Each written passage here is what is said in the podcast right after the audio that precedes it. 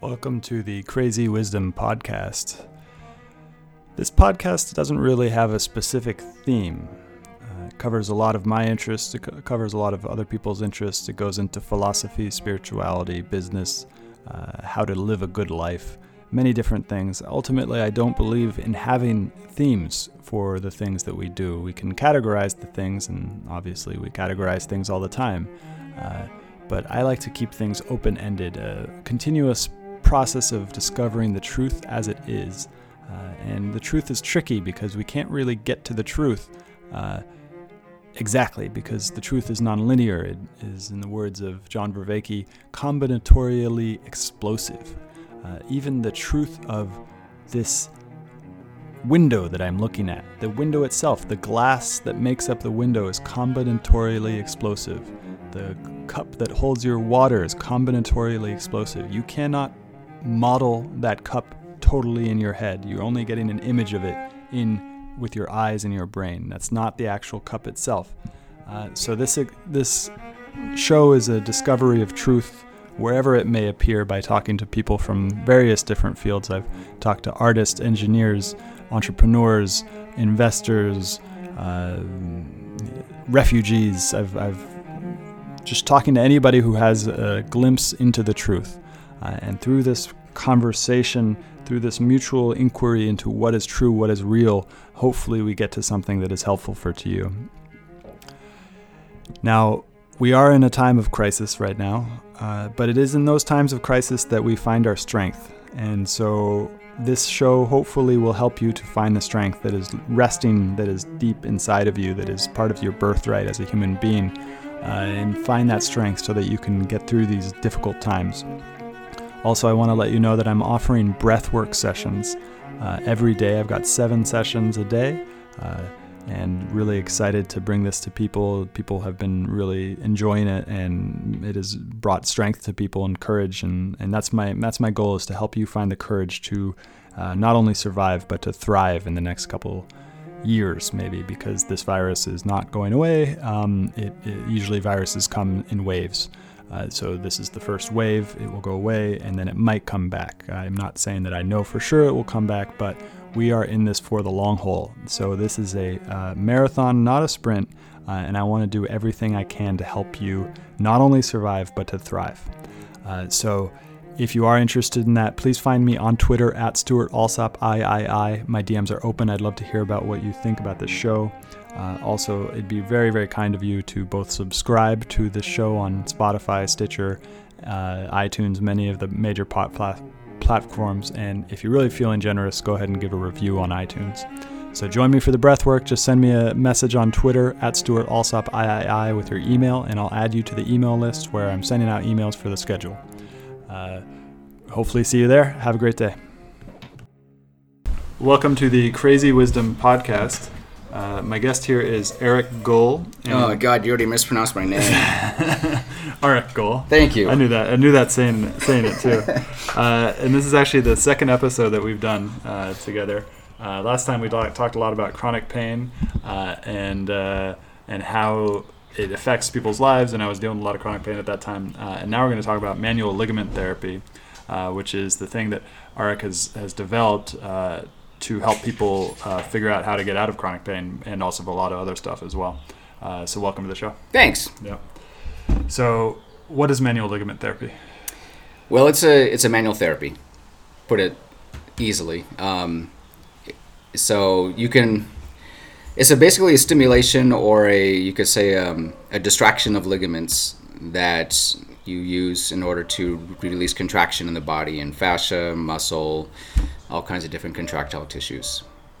And one thing I discovered the last time we had a session, you, you were working on my teeth, and actually I've never had my teeth. oh, that's right, we did that last time. I was going to ask you how that went. Yeah. you still got them. Yeah, yeah, yeah. We, we can, we can, we, I can talk about that right Look now. good. Uh, yeah, yeah, I think they're glowing. Yeah. yeah. It was so interesting because I've always had people work on my muscles, on the um, pterygoid, on uh-huh. the masseter, and on the temporalis, sure. but I've never had anybody work on the teeth. I was, and it's just like, yeah. it's like, uh, it's what? like well, you can do that apparently. Uh, yeah. And so that was super interesting for me, and it was I, it was really difficult today because each each time that we've worked together this week, Mhm. we've done now three sessions. Each time I've been like laid out basically every time afterwards. It's really deep just- stuff. Yeah. Yeah, the last time you were here, which is like a year year and a half ago, Yeah. It's a lot of superficial things, and now we're working to really deep structures. And I'm not surprised your body's just been kind of wanting to lay down and do nothing for a while Mm. afterwards. And, well, for me, it feels like it's it's been doing that for like five or six years. Yeah, Yeah. kind of steadily, huh? yeah, yeah, and deeper and deeper and deeper. And I'm like, okay, Sure. when, when does it stop? When can I uh, get out there and do do the stuff I want to do? Right. Uh, but uh, each each time it goes deeper. Each yeah. There's a lot of lot of layers. uh huh. You know? Yeah. And so, yeah, and and the one thing that that I got from that session was that uh, the teeth are connected through ligaments. Each teeth tooth has its own ligament, and Yeah. then each ligament goes connects with the alveolar ligament, which is the whole ligament. And then I Yes. asked, I asked, you know, what nerve innervates it, and you're like, well, it's not really necessarily about the nerve. Mhm. It's more about the connection with the the fascial tissues that goes. Uh, that sends it more into the deeper structures of the brain. Yeah. So before we get into that, I mean that's a little more technical. The basic idea is that well, ligaments pretty much control how your body moves. It they they're incredibly sensitive little bodies, and we've got over 900 in our bodies, and they each one is loaded with all kinds of little nerve endings and mechanoreceptors, and your nervous system is super interested in what ligaments have to tell your your brain stem and your and your and your spine about where your body's positioned and what kind of different forces are acting on it, even emotional forces. So the system that ligaments are tapped into is is not what you would call like the um, the the standard A to B connection like you would think of with a say like a trigeminal nerve in the face or in the head in the cranium. That goes to the motor. That goes to the muscle. Right. Yeah. So that you know, if you're talking about the system where you, the ligaments use, is they use more the gamma loop, the gamma motor neurons. So the other principal loop we have is the alpha motor neuron, which is how you make things flex. So if I says, "Hey Stewart, flex your bicep," mm-hmm. that's alpha motor neuron. Mm-hmm. So with ligaments and connective tissues, they are tapped into the gamma loop, which is an autonomous system that creates um, it creates a background contraction in your tissues for whatever purpose it needs to be there for, and you're, it's involuntary. You're not even able to really do it. So mm-hmm. with ligaments floating around in this kind of this this this world of fast responses in order to keep you upright and mobile, keep you protected. That's what they do, and that's why they're so sensitive. You know, I'm sure you've probably heard by now that fascia is four to five more five four to five times more sensitive than skin. Has that many more mechanoreceptors, or even muscle. But in fact, is that ligaments are even more sensitive than fascia because ligaments are the deepest bodies or deepest parts of the fascial lines in the body. So you have this huge coagulation of mechanoreceptors in each ligament, and especially in the hands and the feet. And you know, each hand, each foot has roughly 150 and 120 ligaments. So if you're thinking about there being just about 900 in the body, there's a lot of dang reception going on in your hands and your feet. Um, so easiest way to put it is what I always used to tell my students is if you look at the hierarchy, think about the brain being the pentagon. The muscles, the other contractile tissues like the muscles, are the soldiers in the field, and the ligaments are the generals. Ah, so the generals are taking observations from the field, from the soldiers and all those guys, the reconnaissance, and those ligaments slash generals are sending information back to the Pentagon saying, "All right, this is what we got to do." Mm-hmm. So that's the easy way to put it. So this whole idea of muscle memory or you know things like that is a misnomer. It's actually ligament memory. Ah. That's what gives you these loops and these patterns of movements that you feel like, oh yeah, my muscle, my muscles know what they're doing. Actually, your ligaments have been storing that information and creating these loops autonomously in the background, just kind of going, okay, hmm. here's what we got to do. So let's set up this program. And the muscle, muscle, because anytime we learn a new skill, the muscle is the you know the part that we have the conscious access to. The end result. yeah, yeah. Yes, the end Yeah. result. And and it seems like we have. It seems like whenever we're learning a new skill, that the we can direct our muscles to do it, and we're really we're really um, clumsy at it. And then eventually, once we get better, then it seems like it's like that's the that's where the ligaments come in. Is more that's where, where this like longer term memory of, of all these movements. are. Yeah, connective tissue holds a lot of memory, Uh-huh. emotionally, physically, and I believe. I mean, just from my experience with, with ligaments and fascia, I think as you're you're learning a new movement, say if you're learning to, I don't know, say you're learning to do a somersault, you're going to be going through that in repetition until your muscles finally understand it. But I think that it's the connective tissues like the ligaments and fascia that are receiving the most amount of information about inertia and gravity mm-hmm. In order to provide your brain with enough information to tell your muscles, now here's how we're going to keep doing this pattern, here's how we're going to keep getting the pattern better, Interesting. sort of thing. And this is so different from what we're taught, or and what doctors are taught about about ligaments being this uh, non-contractile tissue that allows or disallows movement. Yeah, that's the traditional look at ligaments is that they're this supporting body at the, all our joints that holds them in place, that keeps your bones from separating. And in some cases, that's true, but in many cases, the ligaments are there primarily as a sensory organ, mm. not as an actual, you know, like a stabilitary thing, like you would look at like a wall in a house to hold it up. Mm. So when people freak out about injuring their ACLs and their PCLs and their medial and collateral knee ligaments and, and you know things like that, that's it's not. I'm not really concerned about the that, that ligament not being able to support things anymore. I'm more concerned about the information not being able to pass back and forth as well as it was before that and ligament rupture. and that seems like the biggest thing for a lot of people so uh, particularly in my case as well it, it seems like each time that i go to a session with you or have another session with somebody else uh, it's like that so what is the connection between the motor parts and the sensory parts of our existence because it seems like for a lot of people they're they you know when you think about motor and sensory they're separate but Mhm. but it's this feedback loop where you're you're moving but the whole time that you're moving you're also sensing um, Yeah. and what what's the deal with that What's the deal with that?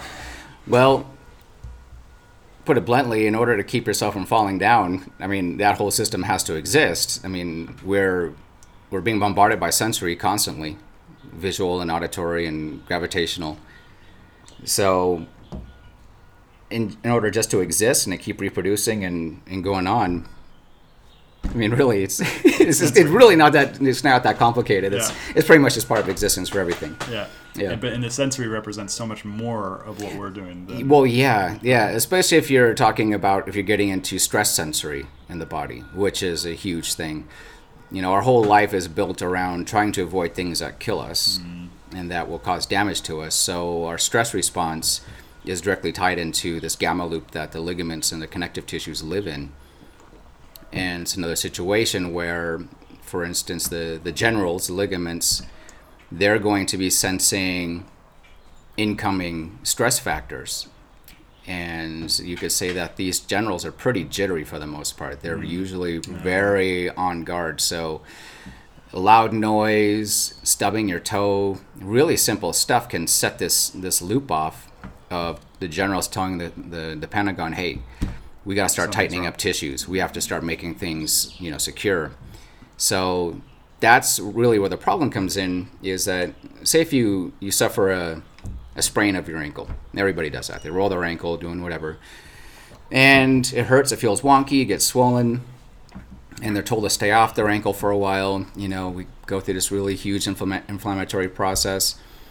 And what that is is when that those ligaments in the in the ankle when they go through that kind of movement and they get stressed they end up of course telling the the gamma loop okay we have a compromise. Let's tighten up the tissues. And that's great for the first couple days but the problem is that after the first couple days of acute phase of the injury that chronic kind of stabilization or overstabilization is going to start to hinder movement and that's when people create these strange pro- or these strange patterns of movement so a right sprained ankle can turn into a left neck and left shoulder issue pretty fast. So when it comes to you know spraining ankles, usually they say, okay, you got to stay off it for a while. They're going to put you in a boot. Um, you know those things are really not that helpful. You want to get moving as fast as you can. Usually, as soon as the acute phase is over, you want to get out there and start using your, your ankle as normally as you can. But what has to happen though first is you have to be able to settle the ligaments down. So you have traumatized ligaments, and what do you do to calm them down?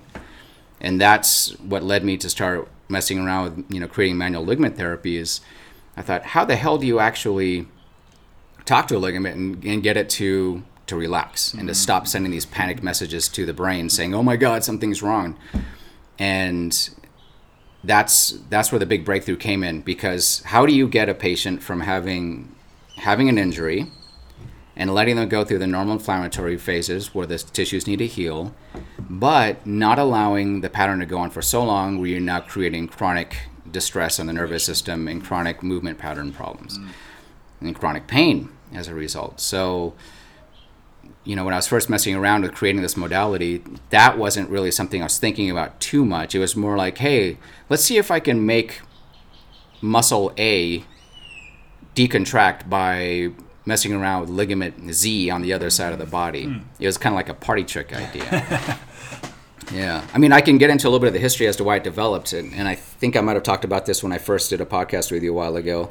But, if, you know, if you wanted me to tell a story again, I can. Mm-hmm. But it's, but really, when it comes down to it, the ligaments are just super sensitive, super dominant, and way overlooked in their roles as as sensitive critters as opposed to just being something that's supposed to hold your joints together. Mm-hmm. And just ignored. And just really ignored, except yeah. for, I mean, even when they say, "Oh, you blew your ACL, we're gonna have to repair that with an allograft or a patellar ligament graft," that's really not even necessary.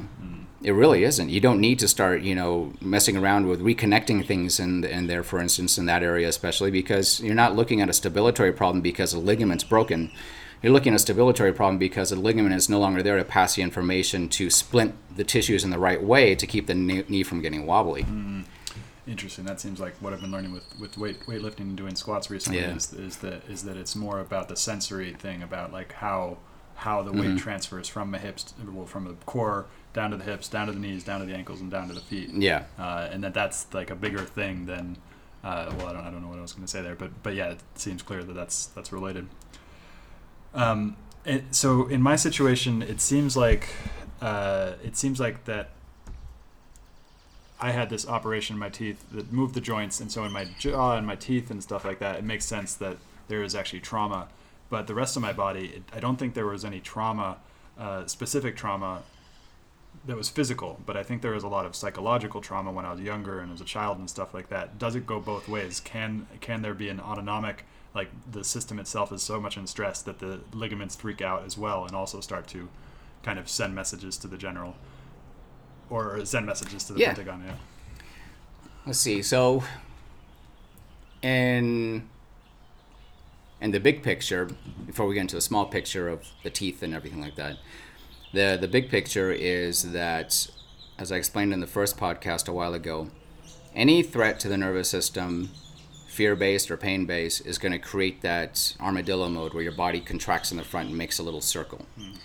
This is all based on gamma loop stuff. It's involuntary contraction. That's why when someone says, you know, someone th- fires off a gun in a crowd, everybody basically curls into a ball and lays on the ground with their, you know, head between their knees. Can't you can't stop that from happening. mm-hmm. um, mm. that is that is part of the system that the ligaments work within. So what I what I think will happen is that an emotional component to something like say um, a lot of heavy dental work or something like that is going to create these really strong contractions in your body for protection, which pulls your body forward, makes it a ball throws you off their center of gravity and starts to create a really big imbalance between the front and the back of the body. So we have that emotional component. Now, when you talk about the physical distress, so as you were mentioning, each tooth sits in a little saddle, the periodontal ligament. So if you're looking at ligaments as being these super sensitive little guys, and each tooth is sitting in there, and each ligament is registering the amount of pressure that's coming on a daily basis from chewing and talking. But now you have someone going in there and jerking around with your teeth trying to fix whatever they think is wrong, that creates a whole nother trauma. And it doesn't matter if they anesthetize you because even when you're not consciously feeling pain, your, your subconscious is still picking up that that interference. So the ligaments are going to continue to send, you know, um, protection signals to the nervous system. So I have a lot of patients who suffered, you know, quite a bit of trauma from from dental appointments, and these are these are things that had happened years ago with pulling teeth and you know root canals and whatever, and it still bothers them. And I think one of the reasons we don't like going to the dentist is, you know, when you think about going to the dentist, big deal. You lay down, they have you open your mouth, and they start going to work. But why do so many people have this really gut level instinct of saying, I don't want to go do that? Well, I don't want to go do that. Most of the time, you know, they say, you know, well, I don't like them putting needles in my mouth and whatever. But, you know, we get that done all over our body for blood draws and allergy tests and whatever. But there's something so intimate about the teeth and how close they are to your brainstem and your main sensory organs, like your eyes and your nose and your ears, that when you start messing with teeth and you start causing disruption and you add that emotional component onto it, and then say the dentist screws up and you have to end up coming back for more, or something goes wrong, you know, outside of the dentist's control. Now it's almost like you go into this abuse pattern. It's like you know, you, it's it's like almost like a bad relationship. You kind of keep going back for more and for more, and every time your body contracts more, and you hate Yeah, it. yeah. So those little periodontal ligaments are are just like any other ligament. They're going to be sensitive to any pressure, any movements. You know, if you're yanking mm. teeth out, if you're putting braces on people, that's a, a constant change in pressure that's going to be occurring all the time. And here's something interesting about ligaments is there's a there's a frequency of, of movement where well it's not even a specific frequency. What they call is cyclic loading and unloading. So if you're doing a repetitious movement um, say you're, you're running okay every time your ligament goes through or your different ligaments go through that running cycle that movement cycle they're going to change their shape just a little bit and a little bit and a little bit hmm.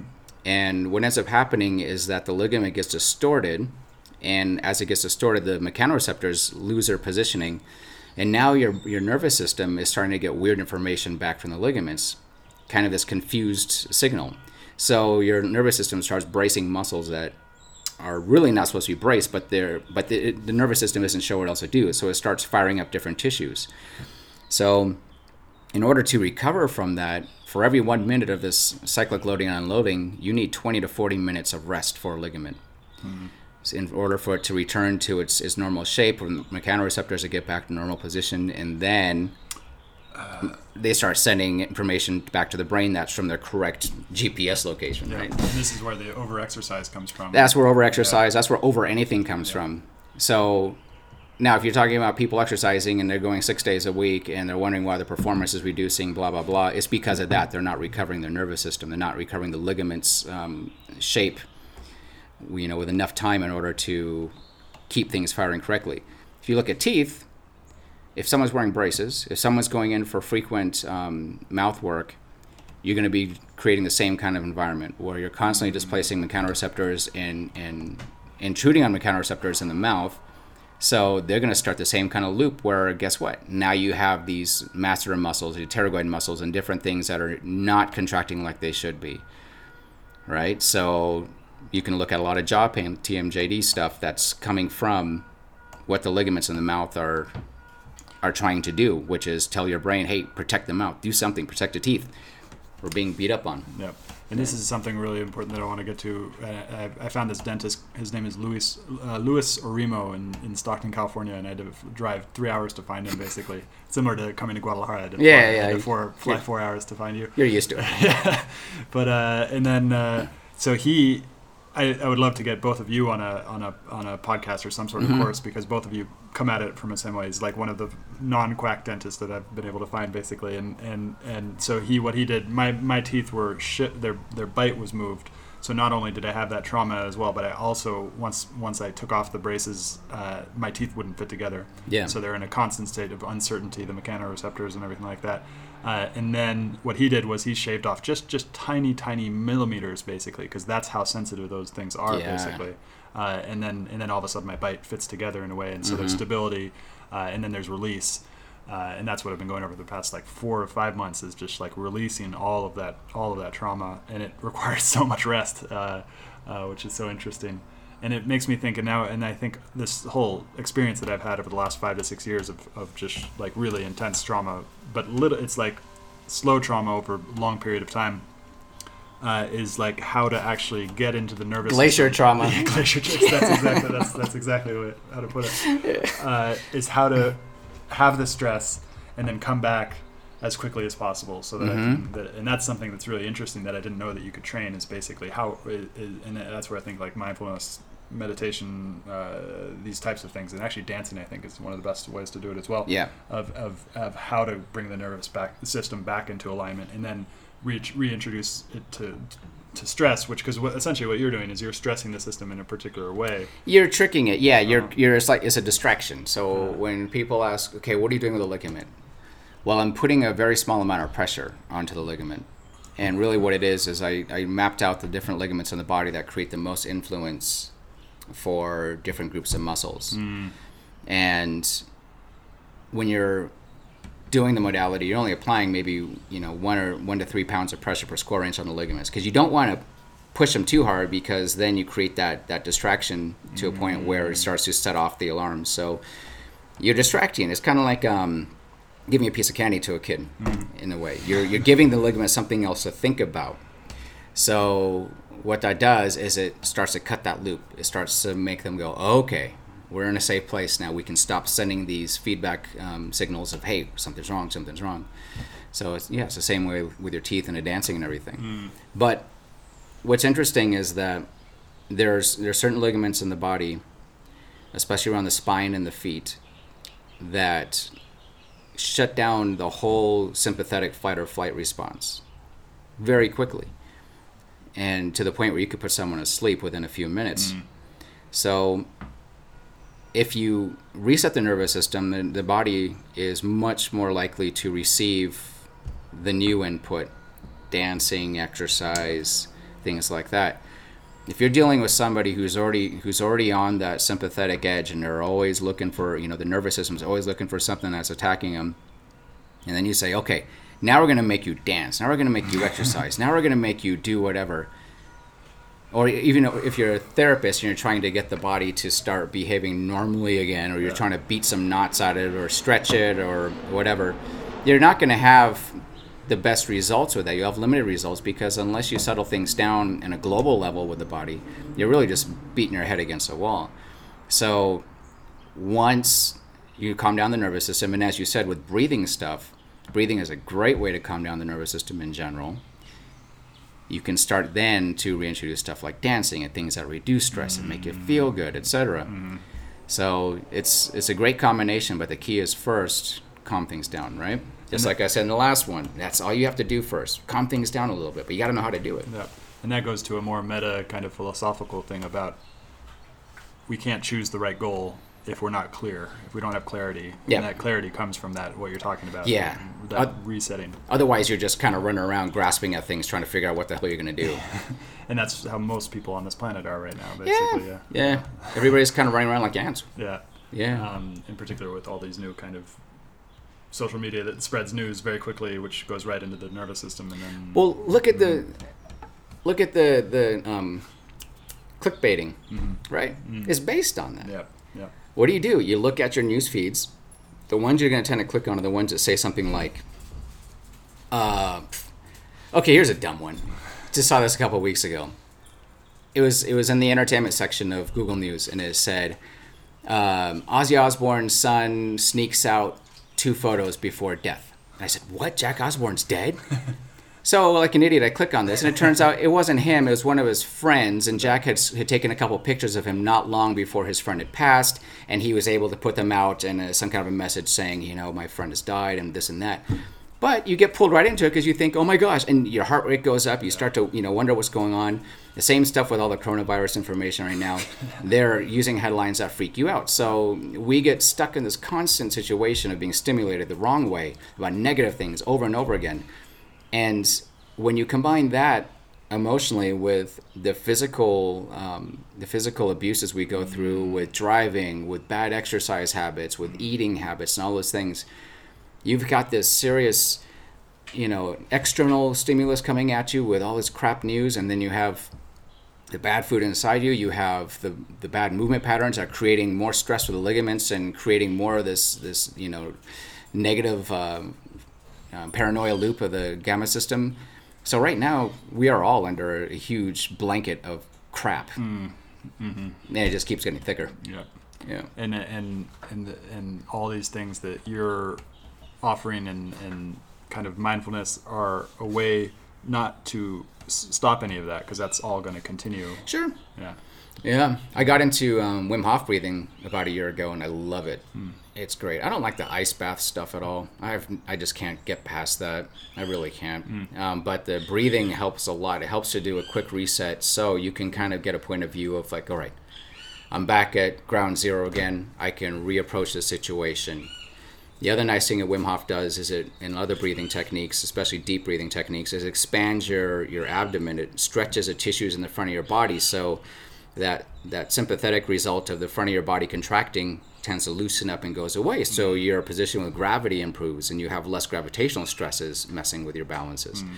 So in in general, it's a great way to do an inside inside and out emotional reset. Mm-hmm. Breathing exercises are fantastic. Uh, I want to bring up one thing called Buteyko breathing. Have you have you tried that yet? Not yet. Nope. So I highly recommend it because the deep breathing is very good and Mm-hmm. very good for training the muscles and stuff like that. But Buteyko actually comes at it from the opposite, which Mm-hmm. is like slow the breathing down till you get to the point of air hunger, Uh-huh. uh, and then breathe in but without gasping. Um, and then you keep on doing that, and eventually you get to holds and stuff. like Yeah, so it's the same thing. You're controlling your sympathetic response. Uh-huh. Because the whole idea is to stop yourself from going into your panic cycles. Exactly. Yeah, and if you can put yourself in a situation where you feel like you should be panicking and you're not, that's and you can control it. That's where the magic happens. Mm, and that's like the mastery of mind kind of stuff. It is, and that's one of the reasons like with Wim Hof. And um, you know, Wim Hof is he'll tell it, you know, himself. He's he based it on Tibetan Tummo breathing, Yeah. which is which is you know really the same thing. Shut down your innate response to freak out over things like not being able to take in air. And when I'm teaching patients Wim Hof, that's usually the biggest thing that happens is that they are thinking for one, oh my god, these feelings are crazy. It's making me panic mm-hmm. because they're getting such a high dose of oxygen. And then when it comes time for the breath holding part, their main, you know, the main objective is objective is to tell your brain, look, shut up, don't tell me to breathe right now. I don't need to breathe until my stomach actually tells me to, until my organs say mm-hmm. now it's time for oxygen. So if you get accustomed to telling your brain to be quiet, to enjoy the ride of being oxygenated, it's not a bad thing, it's a good thing. And then being able to tell your brain to shut up when it thinks it needs to breathe when it really doesn't, that helps you deal with daily life better as far as the stresses that we come across. Yeah, it's it's incredible. I mean, oxygen is the, is, is everywhere. it's, it's not necessarily the cleanest right now, but you know we can we can get to it and use it the right way. It's just it's magic. Yeah. And then the other thing that I've been learning about the breathing as well is the carbon dioxide is a huge part of it as well. Yeah. Because uh, and that, and that when you hold your breath, it builds up the carbon dioxide. Mm-hmm. But for me, I had asthma, and um, I'll see whether I can. Yeah, how did you get past out. that? Yeah, it's so. I believe what happened was that I had a. So I was, my vocal cords and all my things basically seized up so that I would wheeze and stuff like that, and I, Mhm. cou- I couldn't get a full breath ever. Um, and so I believe why the Buteyko method was so good for me was that it held my breath and then raised my uh, CO2 levels. hmm Let's see if I can. And then, oh yeah, when you raise your CO2 levels, it relaxes the uh, vocal vocal cords and stuff Okay. like that. Yeah. Um, and so uh, that's been really helpful. But yeah, it's been 10 years of, of breathing practices. Like Yeah. I've done pretty much every breathing practice. yeah. Uh, yeah. And that one finally is, is That, helping that one has been extremely good. helpful, but Yeah. I mean, all of them. uh, You know, it was like uh, uh, over a long period of time, they all kind of helped. Although a lot of some of the yogic stuff, um, I started practicing them too much, and Mhm. so it's the same thing with exercise. You can Sure. also do over over uh, over Yeah. breathing stuff. Yeah. I see that a lot. Um, people getting into something to the point where it actually disrupts their life and starts to push things Further again off. more towards the sympathetic side of things. Uh, you know, this obsession with, am I doing enough to take care of myself? Am I doing enough to to um, keep myself healthy or get myself healthy? And it's like anything else; it'll it'll go the wrong way and it'll become an obsession, and then you're just going right back down the path you started off, but you're telling yourself, "I'm doing something healthy." and it's the same thing. It's that it's that something is wrong. I need to fix it. Oh, this is what I wanted to say earlier too. Is Ah. that a good coach basically helped me figure this out because I've known this for a long time. That part of me is like freaking out all the time, like Sure. something is wrong. Uh, but nothing is wrong. I'm not. I'm not in any danger right now, or I'm not in any danger when I'm freaking out. Even when I'm on an airplane, I'm not in any danger. Even Right. when I'm having a panic attack. Uh, but then it's like, if I ask myself, what am I actually in danger? Where is the danger? I can actually calm myself down. Um, and so that's a really simple technique is just to ask yourself, where is the danger? And you Mhm. can't find it basically, um, and most of the time. and sometimes there is danger, but you would probably wouldn't be able to ask that question if there were Yeah. danger. Yeah. yeah, yeah. Speaking of that danger, you know, um, the uh, what do they call it? The butterflies we feel in our stomach. Mm-hmm. You ever wonder what the hell that is? Uh, yeah, yeah. Any idea what it is? Uh, no, no idea. Really? so, when you feel that squirming around in your stomach, I haven't. This is my theory. I, I want to test it somehow, but I'm afraid to.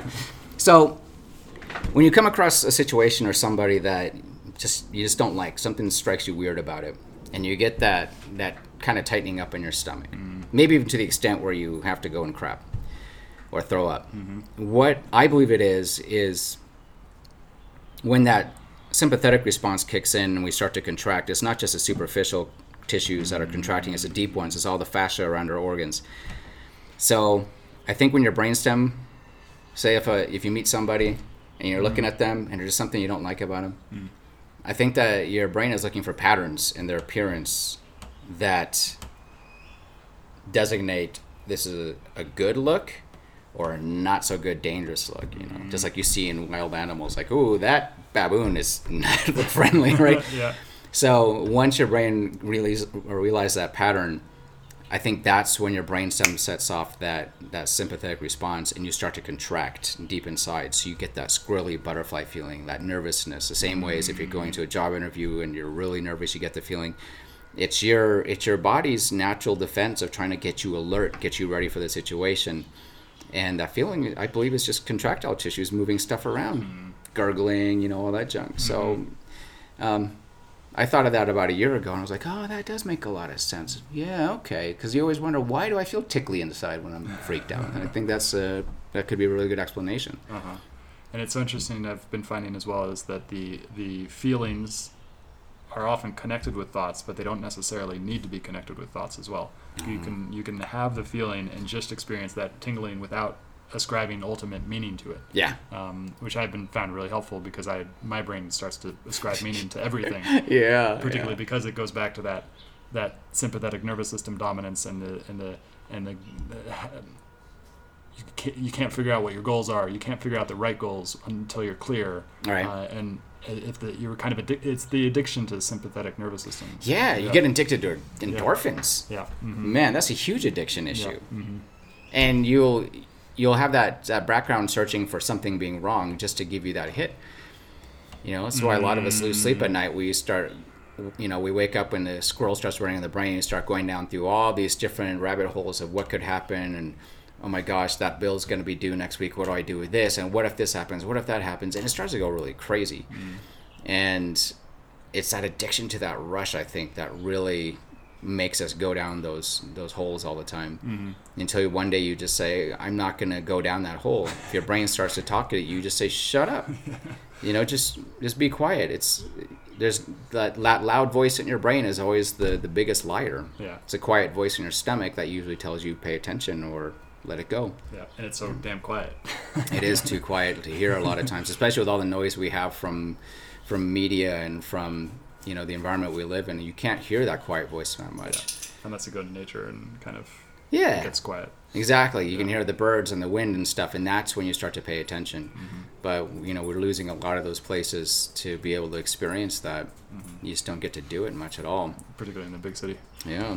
Yeah. Um, so we got ligaments and we got sympathetic nervous system, the parasympathetic nervous system response. Talk What- about exercise. Yeah, what is what is your favorite ligament to work on? My favorite one, Yeah. I think it's the ligaments in the feet. Hmm. Yeah. Oh, there we go. That's what that's what, something I want to talk with you. So I was watching this video on YouTube with em- Dr. Emily Splichal, who's a podiatrist, and she's really gone into the fascia and the connective tissue and like the science behind it. And she talks about uh, how the f- feet have 17,000 Pacinian receptors, Uh-huh. uh, and the hands have like 140. Yeah. Um, and so Pacinian receptors are basically measuring the vibration. So when we walk around bare feet and you're on a wooden floor with a lot of give, it will basically measure that vibration and send messages to your hips. But if you're wearing shoes, it cuts out that thing basically totally. Yeah. Uh, and then you go into nature, and then you're there's a lot more vibration in nature when you're walking on sticks or Mm-hmm. walking on grass, and and that's the way that we would sense our whole environment was through Mm-hmm. our feet basically. And now we've like cut off from that, and then our hips are also because they connect so deeply with the deep six rotators of the hips. Uh, they're just like totally disconnected. I guess what you said also is it goes all the way up the spine into the back of the head as well. Yeah, into the back of the head, into your eyeballs, your mouth. Yeah, Mm-hmm. exactly. Yeah, I always exercise in bare feet. I like to run in bare feet. I don't like to wear shoes. I never have. It just you get such a better sense of what's happening underneath your feet, and your body builds up such a nice, you know, process of figuring things out and going through movements, etc. Yeah, that's fantastic. Um, I should also get you to talk to uh, Dr. Clint Jones up in Portland. He's another podiatrist and a biomechanist that I met several years ago. He's a really nice guy, and um, he did this really great study on the. Oh my gosh, he would kill me if I told him I forgot the name of it. Ring theory, ring theory, but not like R I N G. It's W R I N G, wring theory. And what he found was that the foot actually moves through helixes. Mm-hmm. The, and you know, when I first met him, he he told me that, and we started. I started reading his thing, and I said, Clint, I said, your ligaments are shaped like helixes. Your body's all your different mm. articulations move through a helix movement. There's always rotation engaged, in, or you know, as a part of every movement. So, you know, a lot of podiatrists will look at the foot mechanics as saying, okay, the talus hits, and then we, you know, the foot goes into some supination and a pronation to this degree, and then the, you know, the big toe takes the load and it pushes off and this and that. And they would go through very kind of like linear types of movement at each joint axis. And what he found was, he goes, it's not, it's actually more simple than that. The foot just moves like a like a helix, like a nice twist. Mm. And if you look at mechanics in general, that's the way the body moves. And if you look at ligaments, that's how they're shaped. Mm. Their fibers run in this nice kind of wavy form to pick up movements from all kinds of different angles because your body moves as a helix. So why not, you know, shape a mm. tissue, a sensory tissue like that also? Clint's cool. I'll pass you his his uh, email or his WhatsApp, and you can get in touch with him and maybe one of these days if you're in Portland, spend a day with him or spend a couple hours, go to his clinic and, and uh, do a podcast with him. That'd be very Fascinating guy, big Yeah. nerd, love him. Yeah, We like those on the show. yeah. Um, and I want to bring something up because that's so important for the contralateral body body movement as well. It's Yeah. why your why your left hip goes forward. Your uh, no, so if I'm taking a step with my left foot, my right shoulder is going to move. It's uh, got to drop the opposite yeah, yeah, yeah. direction. Yeah. And so that's like a it's, it's like a helix basically. It's Yeah. it's- and, and then that You the twist. whole movement goes constantly through that. twisting. Yeah. Yeah, Yeah. always twisting. I mean, that's where your body transmits force is through that twist through the pelvis. And as you, if you watch someone walking in slow motion, you can look at everything from the points of their or the tips of their fingers all the way through the elbows and the shoulders and the pelvis and the knees and the ankles and the toes. Everything is going through this kind of nice helix opposing force sort of sort of motion or motion. And when I was creating manual ligament therapy, I was trying to figure out when I was trying to figure out which ligaments influence things the most. I originally started with saying, okay, if I want to relax the right pecs, then let me just stimulate the the right, you know, coracoacromial ligament or you know something deep in there. Uh-huh. And I didn't really get a lot. Of, I got some decrease in tone, maybe about 10 or 15 percent. But then when I decided to start going to the opposite side of the body, which would be the opposite shoulder, that's when I got huge changes in muscle tone. So I started from there. At that point, I was able to pretty much 99% of the time have a pretty good um, idea of what ligament was going to stimulate or decontract what muscles. So I started going opposite side of the knee from a ligament or sorry, from muscle, or for instance, I use the supraspinous ligament that runs across the top of your spine like a monorail track to relax the, the abdominal muscles and the deep visceral fascia. Um, you know, I'll use the sacroiliac joint to relax the, the psoas. You know, it's it's really you go to the opposite side because that's what ligaments do. I tell people, imagine um, in some ways, in a simple way, you could say that um, it's like a it's like a spider web. So imagine that the spider web is is a fascial line or fascial web, one of the many we have, and then this the spider sitting in the middle is a ligament. And that spider is sitting there sensing all the different things that are landing on the web, and the web's web's transmitting all this information to the spider. Hmm. Is that a fly or is that just a leaf that landed there? Is that the wind blowing or is that a bee that got stuck in the web? And that spider then decides what are we going to do with this information? Okay, so and you think about it, that's really the best way to conduct a decision making process is to bring in all your information from different parts of the body. And because we have our typical patterns of movement, etc., those ligaments will be set up with their designated, you know, jobs of okay, what part of the body am I listen am I listening to? Hmm. So, say for instance, if you're trying to relax the hamstrings, you try to decontract the hamstrings, you would use a patellar ligament because a patellar ligament is going to be sensing a lot of the, the, the, the stress impacts that's happening from the back of the knee. That's why the ACL, when it's broken, when it's damaged, there's a lot of aberrant hamstring contraction and dysfunction. That becomes a, a pain in the ass for a lot of therapists. So, that ACL and it's part of the gamma loop is responsible for a, a lot of the hamstrings you know background contractions and decontractions to keep things stable and to counteract what's happening with you know the the quads and and the adductors and all that stuff. So when you take away that big chunk of that ligament or damage it the hamstring really kind of gets lost out in limbo. Mm. And then the body ends up saying okay well i'm not really sure what's happening so let's just tighten up the hamstring like crazy. Mm. Mm-hmm. And see if we can keep things protected. So it's all this opposing and contralateral sort of uh, sensory going on. And then that kind of has secondary influences on the map that the brain has of the body. So, like, if the hamstrings are really tight, at least I'm speaking from my own experience, if- Mm-hmm. if, my hamstrings are really tight, uh, then uh, I can't feel them. I can't feel, I can't separate in my mind the, the difference between the front of the, the, the, the leg and the back of the leg Yeah. and stuff like that. Not until you say you try to like do a forward bend and, and check your hamstrings, you know, which is really kind of a stupid way to check for flexibility. We spend a lot of time bending forward to, to um, increase or check our flexibility, and that really has nothing to do with anything. It's the flexibility on the front that really tells you, am I flexible or not? Because those are the areas that contract the strongest from gravity and from stresses. But going beyond that, yeah, the um, the hamstrings they're going to respond to, especially with the quads and the deep hip flexors and the abs are doing, and so are the glutes. You know, those are the those are the opposing forces that are going to give them the, the information they need to in order to say, okay, how tight are we going to be? Um, but the thing is, you don't really want super loose hamstrings because hamstrings are the glutes and a lot of the posterior chain and the different slings in our body, the you know oblique slings, etc. Those are built to, to throw force into a step or into running, etc.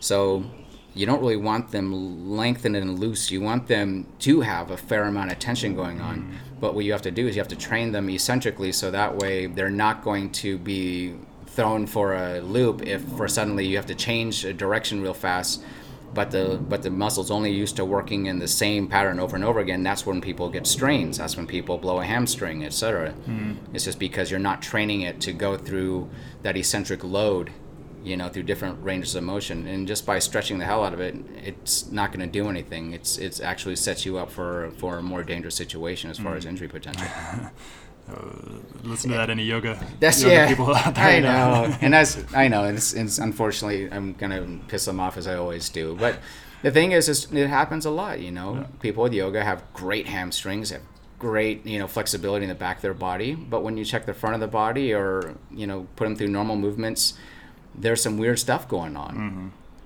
And that, so I, and this for me personally uh, is the hip flexors. There's something so interesting about the hip flexors, uh, uh, and there it's just this like tight wad of tissue Yeah. that connects to your your um, Tightwads. to your uh, pelvis. Uh, and it seems like so much force goes through them, especially when you're doing a squat or anything else. Yeah. And it seemed really connected to the abdomen as well. Yeah. Um, and it's just so interesting because I was doing I've done so much yoga and now I'm doing the opposite or not doing the opposite but I'm doing I haven't I don't do that much yoga anymore. Um, I do a lot of dancing. I'm getting into weightlifting, a lot of squats and stuff like that. Mm-hmm. Um, and it's just so interesting. That part of my body is like so confused. It has been so confused for so long, and Sure. the process of bringing it back into clarity is is is a very interesting part. Yeah. Yeah, you were kind of glued together in there. A couple of your tissues were, well, tight tightwads. Yeah.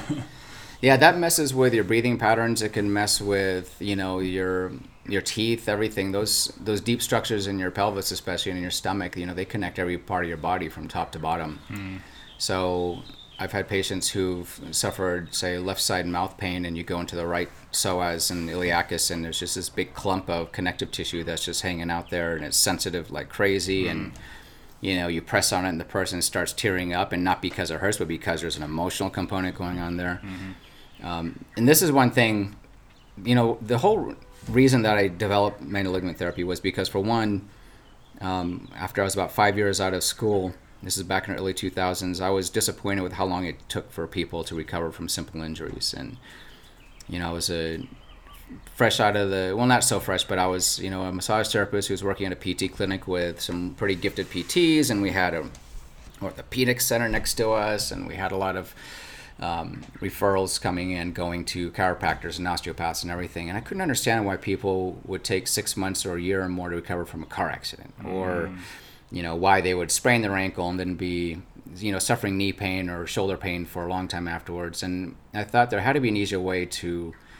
get the body dialed in because you know the things I'd learned in school, trigger point therapy and myofascial release, deep tissue stretching, all those things they really didn't seem to be cr- making things go any faster. In fact, sometimes it just seemed like I was just, you know, swimming upstream with them. So it was frustrating to see people suffering for so long and me feeling like I wasn't doing my job well enough. And I'd ask all kinds of different therapists and, and doctors about, well, you know, is this good enough what we're doing? Is there anything else we can do? And they're like, well, this is what I learned in school. This is what I learned at this, learned at this so-and-so conference and this and that. And they'd give me this huge book on the biomechanics of the lower limb. And I'm looking at this shit going, yeah, okay, that's great, but what are you doing with Yeah, this this stuff? information that's not connected in a way that. Yeah. yeah, it's not really cohesive. Yeah. So what I did is, um, you know, I have a, a good friend, uh, Dr. Mishko. He's a chiropractor up in Seattle, actually in Tacoma. And at the time, I was, you know, banging my head against the wall, and I, and I said, John, what what the hell do you chiropractors do that's kind of like a shortcut to reduce, say, for instance, you know, um, paraspinal contraction? And he goes, well, there's this uh, technique we learned in school called the Logan Basic, and um, he said it was developed by Dr. Hugh Logan back in the 20s, and Hugh Logan was one of the you know founding fathers of the chiropractic movement back then. The Palmers, you know, BJ and Dee Palmer, I think it was Dee Palmer, and then there was and then there was uh, Logan. Logan was obsessed with the upper cervical stuff. The Palmers are obsessed with the with the sacrum and the lower oh, spine. So, oh wait, hold on, backwards. Sorry, the Palmers were upper cervical. Uh-huh. Logan was spine and or lower spine and sacrum. So what ended up happening was Logan decided to start messing around with applying gentle pressure to the to the sacrotuberous ligament, which is a, a deep ligament on the lateral aspects of your coccyx, and what he found was that with gentle pressure, you could get the paraspinal muscles to relax a lot. I mean, just really take a lot of the contraction out of them. So, what Dr. Mishko did is he had me lay face down and he palpated my back, and I was tight because I was, you know, busy therapist whatsoever, and or whatever, and my back was killing me. And then he just went and put really gentle pressure on my sacrotuberous ligament on, I think, the right side or left side. I don't remember. But all I know is after about 20 seconds, he repalpated my back, and it was night and day one side of my back felt completely different than the other side. So I was, I was blown away by this whole thing, wondering, wow, why is that happening? Why the hell is a ligament providing this kind of st- stimulus to a muscle? Because we learned in school that ligaments were just there to hold joints together, really nothing more than that. So I asked him why, and he goes, well, he goes, you know, Logan had this theory that um, there was some muscle tissue mixed in with the sacrotuberous ligament coming down from the thoracolumbar aponeurosis and blah, blah, blah. And I said, okay, fine. Um, I said, but what do all the other ligaments in your body do? And he challenged me to figure it out. So that's when I started messing around with that. And at the time, I was also trying to figure out, okay, now why is this happening? because again, I can't go and create this whole thing without feeling like I truly understand the mechanism at work. Mm. So I started looking around a lot at old textbooks and pulling things up online and just kind of going, okay, where's this information on ligaments and neuroreceptors and whatever. And finally, another friend of mine, um, another chiropractor, Dr. McMillan, he's a he was a he was like he, he still is, but he, back then he was a real super nerd when it came to looking at how multifidi work with um, back rehabilitation, etc. And I showed him a couple protocols I created at that point, and he said, "Wow, that's really interesting." I said, "Well, how the hell is it working?" He goes, "I don't know," but he goes, "Let's go over to my laptop." So he goes into PubMed, which back then was only really just for research geeks, and he typed in ligaments and mechanoreceptors, and then that's when we saw the first abstract from an article by Dr. Moshe Solomonow that said, you know, after 25 years of research, we found that ligaments are pretty much the dominant, you know, neurological tissue in the body that tells us what to do. And my jaw just went bang, and I said, "Oh, this is awesome!" I was so happy. I couldn't tell you how happy I was. And then I remember going back to my clinic and just diving full on into as many articles as I could find. And there was a pretty big body of knowledge, and it, and it really frustrated me that that knowledge was not out there for the typical therapist at any level, or even orthopedic surgeons. And um, Hmm. So I, I continued to to mess around with how much pressure I added to the ligaments and you know what ligament I was pushing on, etc. And at the same time, I emailed Dr. Solomonow to say, hey, um, here's who I am, here's what I'm doing, and uh, what do you think? And I didn't think he was going to answer me, but he ended up answering, and he invited me to come out to his lab in Colorado at the University of Colorado, and he said, look, he goes, this stuff is is really unfortunately still kind of uh, background science stuff, but it's totally real. The ligaments do have this kind of interaction with the nervous system. And he said, you know, you might get a lot of pushback from the community in the beginning, but he says just keep at it. And then he said, and here's a letter of recommendation I'm going to write for you. So anybody who gives you a hard time, just show it to him. Uh, so that was nice. And actually, when I when I a couple of weeks ago when I was up in Seattle, I found that letter and I said, oh my gosh, I still have this. It was really cool to see it. That was back in 2004, 2005, I think. So um, that was it. That enabled me to bring the, the classes out to the um, the student population and the therapist and doctor population to start teaching because I now had a base of knowledge that I could say this is why this mm-hmm. happens, not just because it's a cool thing you can make this muscle decontract by pushing on a ligament in another part of the body. So to come around to it, I created this because I was frustrated and because really it was taking too much energy to to create a you know more balanced muscle tone in the body. And once mm-hmm. I started um, discovering how powerful these ligaments were, things happened really fast. So it's it's one of those things where you know they talk about what is it um, necessity is the mother of all mother invention, of all yeah. invention, and mm-hmm. that's absolutely true because I figured, man, at that time my body was hurting. It was only a few years mm-hmm. out of school. There was no way I could make it, you know, another five years, or ten years, and here I am over, you know, like 22 years later, still feeling really good. And yeah. if it wasn't for what I figured out and created back then, um, man, I probably would have retired a long time ago. and I think that's very common for a lot of body workers. Um, yeah. yeah. I had it. I was up when I was up in Seattle a few weeks ago. Um, I went to dinner with one of my best friends, Dwayne. Dwayne's a massage therapist for USC for the swim and dive team, uh. and um, he's one of my original students. He was in my first class that I taught for manual ligament therapy and he came to me asking for Lomi Lomi training because he uh-huh. saw me do a demo, and I kind of did the Jedi mind trick. I said, "You don't want to learn that. you want to learn this." And I still haven't. Actually, no, I did teach him a Lomi Lomi class, but it was like eight years later. Uh-huh. Anyhow, so Dwayne and several other therapists who work for University of um, Florida and, and Stanford and quite a few others actually they they do MLT on on a lot of swimmers and divers, and it makes their life easier because they're able to quickly resolve a lot of these bad patternings that are going on with these with these um, athletes, and then put them through stretching and, and movement rehab and stuff like that, and they respond great. I mean, just being able to reset the nervous system like that, you know, often they will take seconds off of their performance times. Mm-hmm. I mean, they will get PRs right after receiving this type of therapy. Mm-hmm. It's been mm-hmm. documented, yeah. and yeah. it's it's pretty cool stuff. Um, but I was eating dinner with Dwayne, and then um, this guy comes over, and Dwayne goes, "Oh hey, I forgot his name. Come over here. You want to meet Arik?" He goes, "Oh yeah." He comes over, and he goes, "Man," he goes, "Thank you so much for for what you taught us back in the day, and and I was like, "Who are you?" He said, oh, "I'm so and so," and you know, I was um, in Washington and Oregon. I had gone through a period of about two years where I was teaching massage envy um, stores a lot of their, you know, how to do MLT with the hope of saving these therapists from destroying their hands. Yeah.